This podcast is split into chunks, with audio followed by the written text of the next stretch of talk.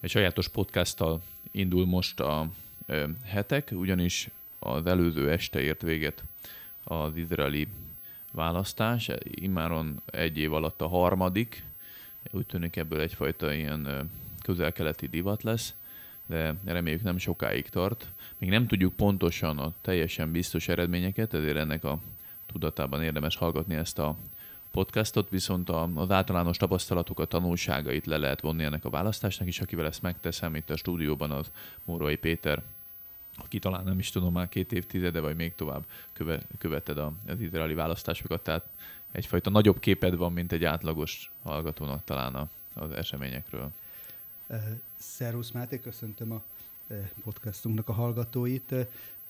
Igen, a 90-es évek óta kísérjük figyelemmel és izgulunk a izraeli választásokon. Valóban azért erre, ugye Izraelben azért szoktak lenni előrehozott választások, ami azt jelenti, hogy hát nem mindegyik kormány tölti ki a négy évét, de mondjuk előrehozott választás három évet hogy három évente e, került sor e, választásra. Most egy év alatt ugye ez a harmadik. Azt el lehet mondani, hogy az izraeli választók e, szeretik a demokráciát, és szeretnek választani. Ugye most Igen. arra számítottak, hogy koronavírus járvány miatt meg hogy egy éven belül harmadszor kell elmenni választani, alacsonyabb lesz a részvétel, mint, mint korábban. Ennek pont az ellenkezője történt, tehát mióta tavaly áprilisban megtörtént az első szavazás, ahhoz képest szeptemberben a másodikon többen mentek el, most pedig sokkal többen mentek Igen. el, mint szeptemberben. Sőt, talán egy ilyen hasonlat is volt, hogy 1999 óta talán ez a legmagasabb választási részvétel, ami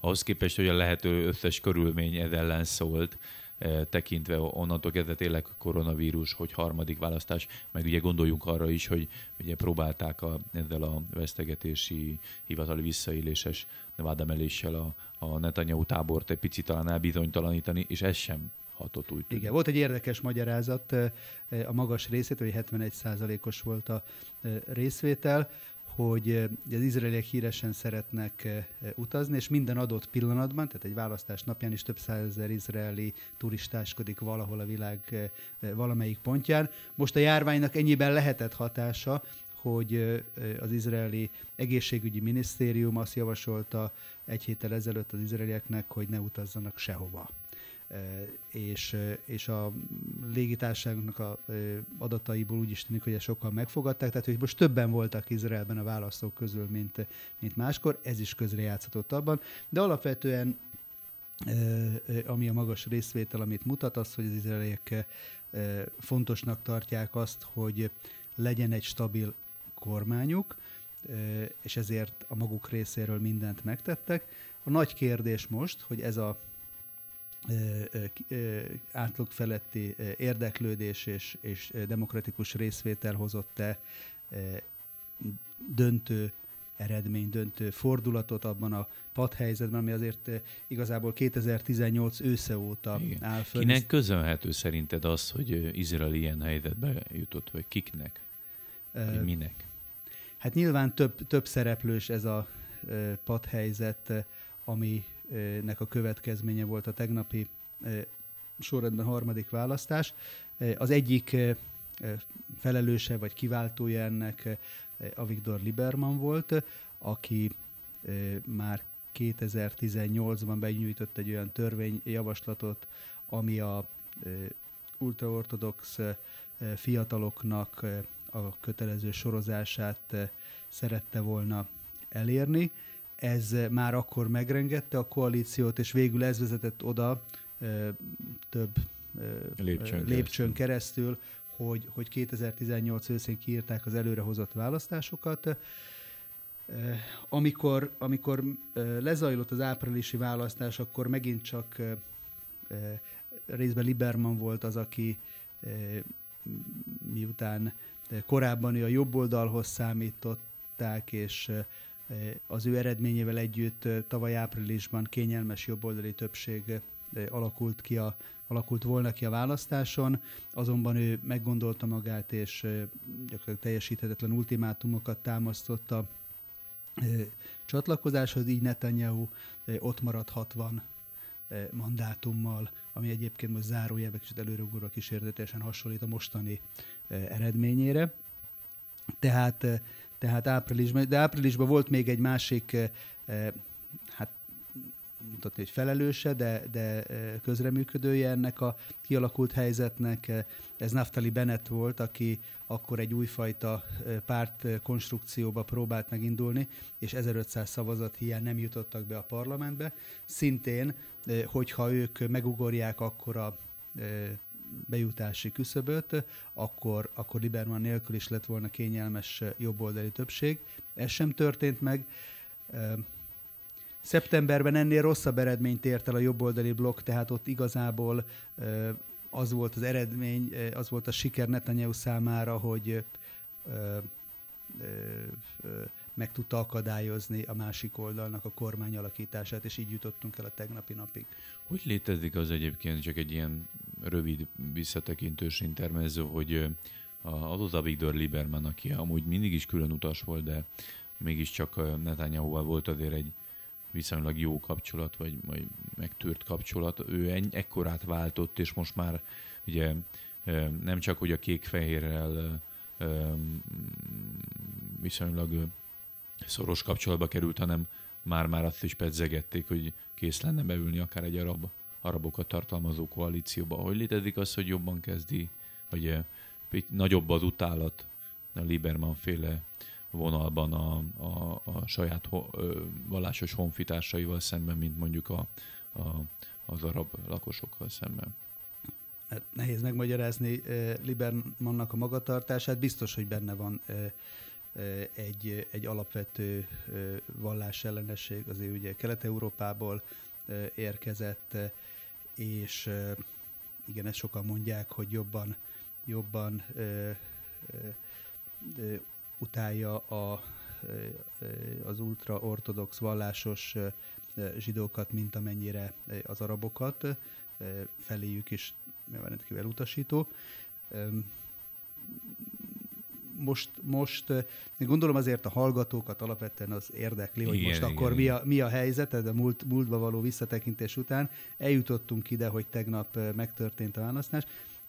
Amit egyrészt leszögezhetünk, az, hogy Netanyahu önmagához képest nagyot futott, nagy eredményt ért el. Ugye szeptemberben a jobboldali blokk az 55 mandátumot kapott, de egyébként a kék-fehér párt az megelőzte a, a, a Likudot. Ez egy csalódást keltő eredmény volt Netanyahu-nak, és ebből a hát mondhatni vert helyzetből ő egyrészt talpon tudott maradni, másrészt meg egy nagy, nagy hajrával most úgy néz ki, hogy három-négy mandátummal is legyőzte, megelőzte Benny Gáncékat. Tehát neki személyesen ez egy nagyon komoly eredmény, ráadásul úgy, hogy ezt egy kifejezetten nehezített terepen ért el, hiszen, hogy utaltál Igen. rá, már tavalyi év elején elindult a vele szembeni jogi eljárásnak a érdemi szakasza, és ez, ez odafordult, hogy konkrétan vádat is emeltek vele szemben decemberbe, és hivatalos vádlottá is vált, miután kénytelen volt lemondani a mentelmi jogáról. A választás előtti, előtti hetekben már a bírósági tárgyalásnak az időpontját is kitűzte, kitűzték, tehát ez azt jelenti, hogy neki úgy kellett a kampány finisét végigcsinálni, hogy, hogy az izraeli közvélemény előtt világos volt az, hogy bíróság elé kell állni a korrupciós vádakban. Ebből a szempontból jogos az ő Netanyahu-nak a, az öröme meg az értékelése, mert egyfajta referendum is volt a választás hiszen az izraeli, izraeliek mondhatták volna azt, hogy hát itt van egy, egy vád alatt álló miniszterelnök, szeretnénk tiszta helyzetet kapni, ő menjen a bíróságra, tisztázza ott magát, ahol ha, ha, ha tudja, közben pedig Izraelt vezesse egy olyan politikus, aki, aki fedhetetlen. Ugye ez volt a, Tehát, ez volt a Benny Gantznak a kampánya tulajdonképpen másból se állt, mint hogy ezt, ezt az üzenetet hangsúlyozta az akkor, izraeliek Akkor mondhatjuk azt, hogy egyfajta most szó szerint véve népbíróság döntött arról, hogy ő mennyire tartja hiteltelenítőnek, vagy, vagy, vagy alkalmatlanságot okot adónak a, a Netanyahu ellen felhozott vádakat, ugyanis mindenki tisztában volt az összes váddal, mindenki tudta, hogy a bíróság véleménye mir ezekről, tehát hogy vádat emelnek. Szinte a, jó, mondjuk az összes bizonyíték még tárgyaláson nem a lett bíróság, fes, a bíróság véleményét nem tudjuk, az ügyészségnek a véleményét. mi, mi tudjuk a vádemelés. Igen. Hogy ennek tudatában mentek el az emberek szavazni, és azt mondták, hogy nem baj, mindezek ellenére nekünk egy ilyen miniszterelnök kell. Most ezek után a, a bíróság vagy, a, vagy az ügyészség az keresztül tudja vinni a nép akarattal szemben azt, hogy, hogy egy, egy ilyen elég, eleve elég furcsa vádemelési struktúrában mégiscsak megakadályozzák Netanyahu-t a miniszterelnökség betöltésétől. Ugye, ha, Ben. ugye népbí, népbíróságot említettél, jelképesen ez, ez, eh, ez valóban eh, lehet így értékelni, mert legalább az izraeli válaszoknak a fele azt mondta eh, ezzel a döntésével, hogy vagy egy nem, nem is hiszi el a netanyahu szembeni vádakat, ezt egy politikai kampánynak tartja, vagy úgy van vele, hogy ha ezek, ezek nek van is valós alapja, semmiképpen nem olyan súlyúak, hogy egy olyan kaliberű vezetőt kidobjanak a, az ablakon, mint Netanyahu, aki az elmúlt ö, 11 évben Izraelt a világvezető nemzetei közé vezette sokféle szempontból, lehetne sorolni az eredményeit. Vélhetően enélkül a jogi eljárás nélkül megkérdőjelezhetetlen lenne a, a vezetői szerepe és, és posztja, de most úgy tűnik azért, hogy a választók szemében ezek, ezek jobb, nagyobb súlyjal estek alatba, mint, mint a jogi eljárás. Magára a jogi procedúrára, bírósági eljárásra ugye ennek a választási eredmények nincsen kihatása.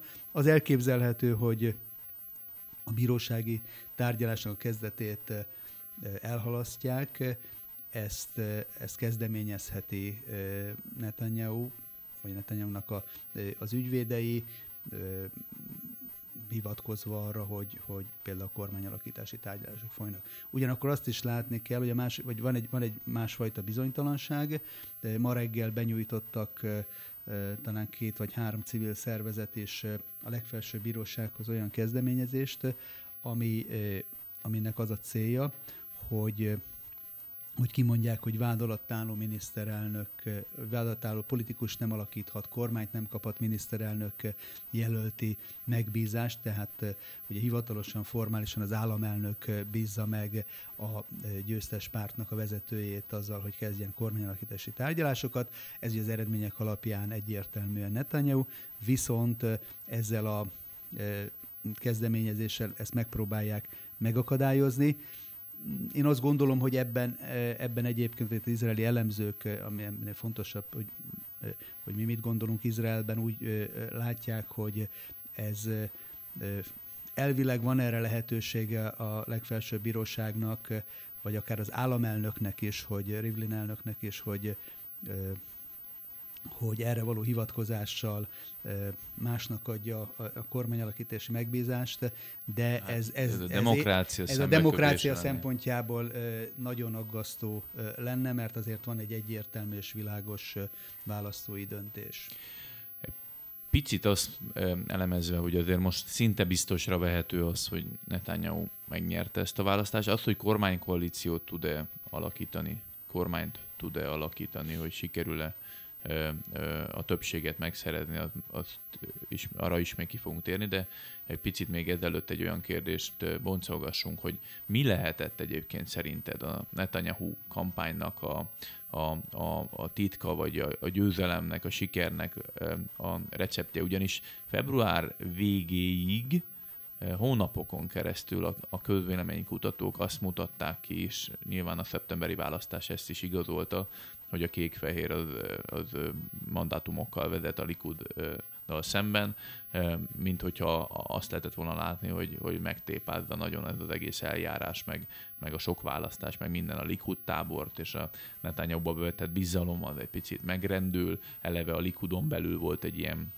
nem is tudom, hogy hogy mondják Izraelbe, de ilyen tisztújítás, próbálkozás, ugye a Gideon Szár nevével fémjelzett ilyen kihívás intéztek netanyahu szemben. Tehát nem, nem nagyon neki állt az ászló. Aztán mégiscsak február végére megfordultak az arányok, és ahogy látjuk a mostani választási előzetes eredményekből, hogy, hogy, hogy egy magabiztos Likud győzelem lett, és egy, egy pecsét Netanyahu-nak a személye mellett. Mi, mi, mi okozta szerinted a fordulatot, hogy mit mondanak Izraelbe? Hát több mindent ö, re gondolnak, hogy ezt ennek a tényleg egyértelmű fordulatnak a ö, ö, hátterében áll. Van, aki azt mondja, hogy a Trump-féle béketervnek a bejelentése, és aztán ennek kapcsán, hogy, hogy meg, úgy tűnik, hogy megnyílik a lehetőség bibliai területeknek, Judeának, Szamariának, Jordán, a Jordán völgynek, vagy legalábbis egy részüknek a annektálására, Izraelhez való csatolására. Ez egy olyan plusz motivációt jelentett a nemzeti tábor, jobboldali tábor számára, ami, ami egy plusz szavazatokat eredményezett. Más szempontból is Netanyahu önmagához képest is egy nagyon intenzív, mindig intenzíven kampányolt. Hát talán, ő zseni, igen. Talán ez szeptemberben egy kicsit, kicsit halványabb volt, most tulajdonképpen egy, egy, egy hibátlan kampányt csinált végig. Amit én két, két érvet láttam itt az izraeli elemzők közül, ami szerintem figyelemre méltó, és, és nem, nem annyira kézenfekvő, de, de logikusnak tűnik. Az egyik, amire te is utaltál, hogy, a szeptemberi választás után azért megingott egy kicsit a Likud táboron belül is Netanyahu-nak a széke, vagy a, a támogatottsága, és, és Gideon Szár azt kezdeményezte, hogy legyen egy, egy párton belüli előválasztás a, következő forduló előtt. És ez meg is történt, és ez egy több hetes párton belüli kampányt váltott ki, aminek a keretében Netanyahu visszament a saját bázisához, ahhoz a bázishoz, ami fölött ő ilyen nemzeti vezetőként azért egy idő óta azért el, el, elszakadt, el, elszakadt eltá, eltávolodott, és helyesen ő úgy érzékelte, hogy hogy ezt a, ezt a kapcsolatot meg kell erősítenie.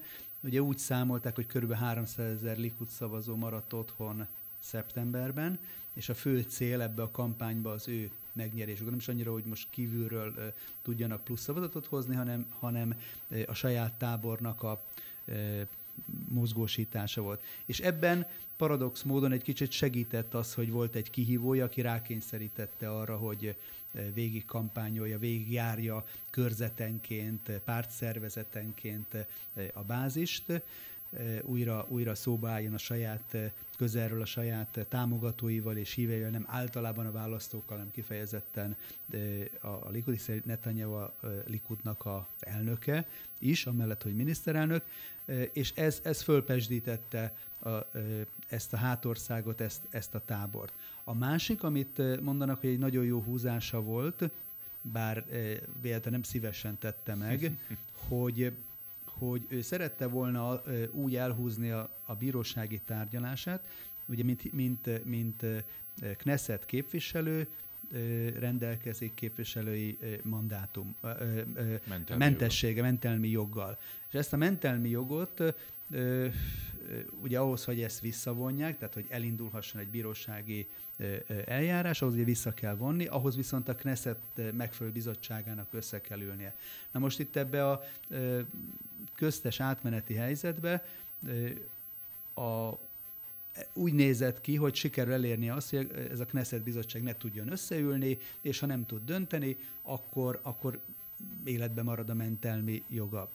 Viszont februárban aztán kiderült, hogy, hogy mégis ezt a mentelmi bizottságot, ugye a Knesset nem ülésezett ebbe a átmeneti helyzetbe, de hogy ezt a bizottságot, a mentelmi bizottságot mégis sikerül összehívni, ahol, ahol az arányok olyanok voltak, hogy hogy várhatóan visszavonták volna Netanyahu-nak a mentelmi jogát, ő ennek elébe ment, és ő maga lemondott a mentelmi jogáról. Ez viszont azzal, azzal járt, hogy ugye jogilag védetlenné vált, viszont kommunikációs szempontból maga az egész vele szembeni korrupciós ügy, hát lekerült a napirendről hirtelen, nem volt miről írni az újságoknak, mert, mert elhárult a, az akadály a bírósági procedúra elől, az viszont majd csak márciusban indul el, és ebben a közlesi időszakban az előző időszakhoz képest minden nap történt valami, nyilatkoztak, találgattak, próbálkoztak jobbra-balra ebben az, az ügyben, tehát nagyon sokat szerepelt, a közvélemény, a közvélemény nagyon sokat hallott a Netanyahu-val szembeni jogi eljárás, az hirtelen egy ilyen vákumba került, és Igen. lekerült a napirendről, és más témák kezdték a, kezdték betölteni a médiát. És miután a, a kékfehér pártnak és Gansznak személyesen és a legfőbb, ha, csak, ha éppen nem az egyetlen kampány témája az volt, hogy bebizonyítsa a választók előtt, hogy Netanyahu a korrupciós vádak miatt alkalmatlan, ezt sikerült kivenniük kivenni Netanyahu-nak az ellenfele kezéből és más témákat előtérbe És ugye ezek a más témák voltak például a Trump béketerv, ami bizonyos szempontból mozgósította talán a, a, az arab e, szavazókat egy picit a, a kék és fehér robására, valamint ugye a koronavírus is egy picit elvette a, a, a, nem is kicsit, a, nem is kicsit a, a,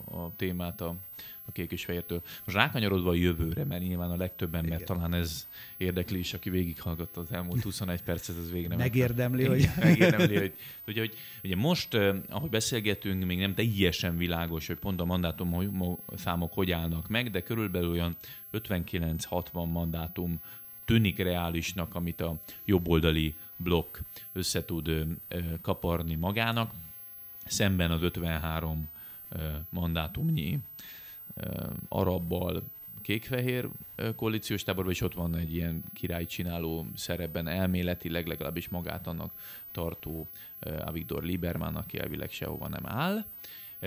Ezzel az 59-60 mandátummal nem lehet úgy kormányt alakítani, hogy az, az többséget is jelentsen. Mi vár Netanyahu-ékra? Mi, milyen lehetőségek vannak? Most akkor megint lesz egy negyedik választás, és ameddig a messiás vissza nem jön, addig, addig választanak az izraeliek? Vagy, vagy mi várható a jövőben? Természetesen most mindenki azt mondja, hogy, hogy azt, azt mindenképpen el kell kerülni, hogy negyedik választás legyen, de hát ezt mondták már harmadik választásra is, tehát ott is kialakult egy olyan kényszerhelyzet, hogy, hogy ennek meg kellett történnie. Az látszik, hogy most a, a baloldal, vagy az ellenzék nincs olyan helyzetben, hogy, hogy a szeptemberrel szemben, tehát nincs olyan helyzetben, hogy rákényszerítse az akaratát Netanyahu-ra tehát ha, ha, ha negyedik választásra kerülne sor, vagy a negyedik választásnak a rémképe, az most az ellenzéken múlik. Ha, ha úgy jön ki a választási matematika, akkor elvileg ők tudják blokkolni azt, hogy Netanyahu legyen a miniszterelnök, de azt nem tudják már elérni, hogy, hogy ne ő legyen. Tehát ez egy, ez egy előny Netanyahu számára, hiszen ő azt tudja mondani, hogy hát ha Izrael meg akar szabadulni ettől a másfél éves átmeneti helyzettől, ami azért sok korlátot és akadályt is jelent az ország működése szempontjából, költségvetés elfogadása, védelmi kérdések, stb. Tehát akkor valami, valamilyen, valamilyen módon ebben partnernek kell lenni. Most a kérdés az, hogy ki lehet ebben partner. Természetesen, hogyha a, a végső eredmény a Likud számára, jobb oldal számára szerencsésen alakul, és összejön végül a 61 mandátum, akkor, akkor saját jogon tudnak kompromisszum nélkül kormányt alakítani. Még akkor is, hogyha ez a, ez a kormány nagyon minimális többséggel rendelkezik. Ugye ezelőtt egy éve azt mondták, hogy az volt a közfelfogás, hogy 61 mandátummal hát nagyon kockázatos kormányt alakítani. Ma már ez egy csukott szemmel minden jobboldali elfogadná igen, azt, kézbe hogy, csapnak, igen. mert ugye mit jelent a 61, 61 fős többség? Ugye minden egyes kulcsfontosságú szavazásnál teljes létszámban jelen kell lenni, nem lehet senki beteg, nem lehet senki külföldön, nem gondolhatja meg senki magát, de mégis, tehát hogyha a saját táborból összejön 61 képviselő, akkor azért az egy, az egy viszonylag kompromisszummentes nemzeti vallásos kormánynak, jobboldali kormánynak a alapját jelenti. Ennek most nem tudjuk mekkora a valószínűsége. Ha abból indulunk ki, hogy ezt nem fogják elérni, akkor ugye lehet 59 vagy 60 mandátuma a jobb oldalnak, ez már nem többség. Ebből a szempontból nagyon nagy különbség az 59 és 60 között persze van, de, de érdemben még sincs, hát, mert azt jelenti, hogy valahonnan kell Netanyahu-nak plusz támogatást szerezni. Honnan jöhet plusz támogatás, hogy meglegyen a kormánytöbbség, megpróbálhat a másik oldalról áthozni képviselőket, vagy akár egyes frakciókat is. Persze itt nem nagy frakciókra kell gondolni, hanem, hanem ilyen mini frakciókra, mint például a baloldali, három pártból álló baloldali Geser munkapárt merecféle tömb, ami most úgy tűnik, hogy hat mandátumot szerzett. Ez a, ez a hat mandátumos kicsi frakció is három pártból áll. Na most ebből, hogyha egy vagy két képviselőt át tud hozni, akkor ugye kiegészítheti ezt az 59-60 mandátumát egy, egy többségre. Ugye ott vannak olyanok, mint David Levy volt likudos külügyminiszternek a lánya, aki ebben a baloldali frakcióban van, akit megpróbálhatnak megnyerni. És van néhány ilyen képviselő jelölt a, a kék-fehér pártban is. Ugye itt a kérdés az, hogyha ha a, a másik oldalról kell áthozni képviselőket a többséghez, akkor ugye ez ezért sokat kell ígérni, Igen. hiszen, hiszen... Főleg Izraelbe. Főleg Izraelbe. De még hogyha ez, a, ez az alkú létre is jön, akkor is azért megvan a kockázata annak, hogy hát nem, nem, nem természetes szövetségeseken múlik a kormánynak a fennmaradása. Tehát ez egy, ez egy kockázatos helyzet milyen más lehetőség adódhat a negyedik választásnak az elkerülésére. Ugye fölmerül, hogy, hogy Libermant visszahozza a jobboldali táborba, ennek... Ahhoz lehet, hogy túl nagy kompromisszumot kellene adni, kivéve akkor, hogyha a Liberman valamiből elmozdult. De ugye a választás napján a Liberman mondott egy olyan hogy, mondatot, hogy egy millimétert sem ad föl abból, amit nyilván ezeket szokták mondogatni, de hogy egy millimétert sem mozdul el, és az örül neki, az egyik jelentős kampány szlogenje, ígérete, identitása az szöges ellentétben áll amúgy a jobboldali tömböt alakító Igen. nagy Úgy, ortodox egyszerű, Egyszerűen demokratikusan nem lenne vállalható az, hogy, hogy Liberman 6-7 mandátummal rendelkezik, hogy az ő kedvéért, ugye amit ő követel, hogy ne legyenek a kormányban ultraortodox pártoknak a képviselő, az ultraortodoxok 15-16 17 mandátumot szereztek, tehát a választóknak egy legalább kétszer akkora, hanem háromszor akkora részét képviselik, mint, mint Liberman. Nem lenne demokratikus egy kisebb tábor kedvéért egy, egy sokkal nagyobb tábornak, aki egyértelműen, akik ugye egyértelműen Netanyahu mellett szavaztak, őket, őket a kukába dobni. Tehát ezt valóban én sem tartom reálisnak, Izraelben sem nagyon, nagyon tartják ezt megoldhatónak. Hát lehet, hogy időt lehet nyerni azzal, hogyha ígéretet tesz Libermannak, hogy igen, ki fogják tűzni a törvényi szavazást, de meglátják, hogy ki támogatja, stb. és akkor nyer magának egy évet, még megint feloszlik a kormány. Ezt el tudom képzelni. Uh, itt, itt nincsen olyan, hogy nagyon hosszú távra tervezés. Igen, és igen. Tehát ez, ez, ez, ez nem, tehát kizár, kizár, kizárni, kizárni nem lehet. Ez sem lenne egy stabil, természetesen sem nem. lenne egy stabil, megnyugtató megoldás. Milyen, milyen más verzió lehet a kék-fehérrel, gancékkal, kiegyezni. Ugye most az nem lenne kérdés egy, egy ilyen nagy koalíció esetén, hogy Netanyahu-nak kell a miniszterelnöki posztot legalábbis elsőként betölteni. Most most ennek se látszik azért igazán realitása. Lassan a podcastunk végéhez érünk, egy, egy-két ilyen nagyon gyors kérdés-választ meg tudunk ejteni. Az egyik az, hogy így összegezve mindent, ö, inkább ö, csalódtál, vagy inkább meglepődtél a, a mostani választási eredményeken? Az előzetes számításaithoz képest az kellemes meglepetés volt, hogy, hogy Netanyahu ilyen támogatottságot tudott maga mögé felállítani.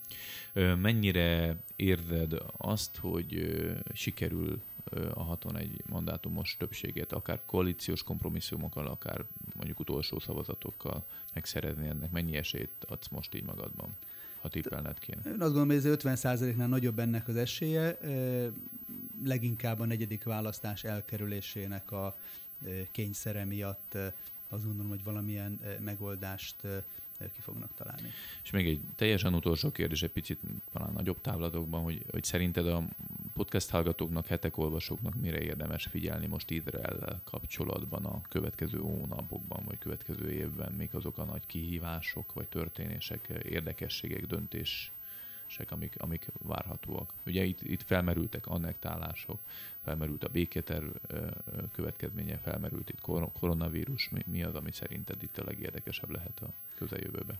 Hát azt gondolom, Izrael szempont, Izrael közép, hosszú távú jövője szempontjából a, a legnagyobb kérdés azért Irán, hogy az a fajta külső fenyegetés, ami naponta, hetente megígéri Izraelnek az elpusztítását, hogy ezt sikerül-e kikapcsolni a képből. Igen. Hát főleg úgy, hogy most ugye eléggé ízik, főleg Szíriában a, a katonai feszültség Oroszország, Irán és Törökország között hogy ebből egyáltalán kimaradhat-e Izrael. Nagyon köszönöm a beszélgetést Morai Köszönöm Péternek. Itt a rögtönzött izraeli választási értékelést tartottunk, amit ugye annyira nem hosszú távú egy ilyen értékelés, mert állandóan változik az izraeli belpolitika, de az biztos, hogy ha ki a heteket követi, olvassa, vagy a, vagy a social felületeinken jelen van, podcastokat hallgat, az biztos, hogy a legfőbb eseményekről mindig eh, fog tudni tájékozódni. Nagyon köszönjük a hallgatásotokat, figyelmeteket, további jó podcast hallgatást és eh, internetezést kívánunk. Sziasztok!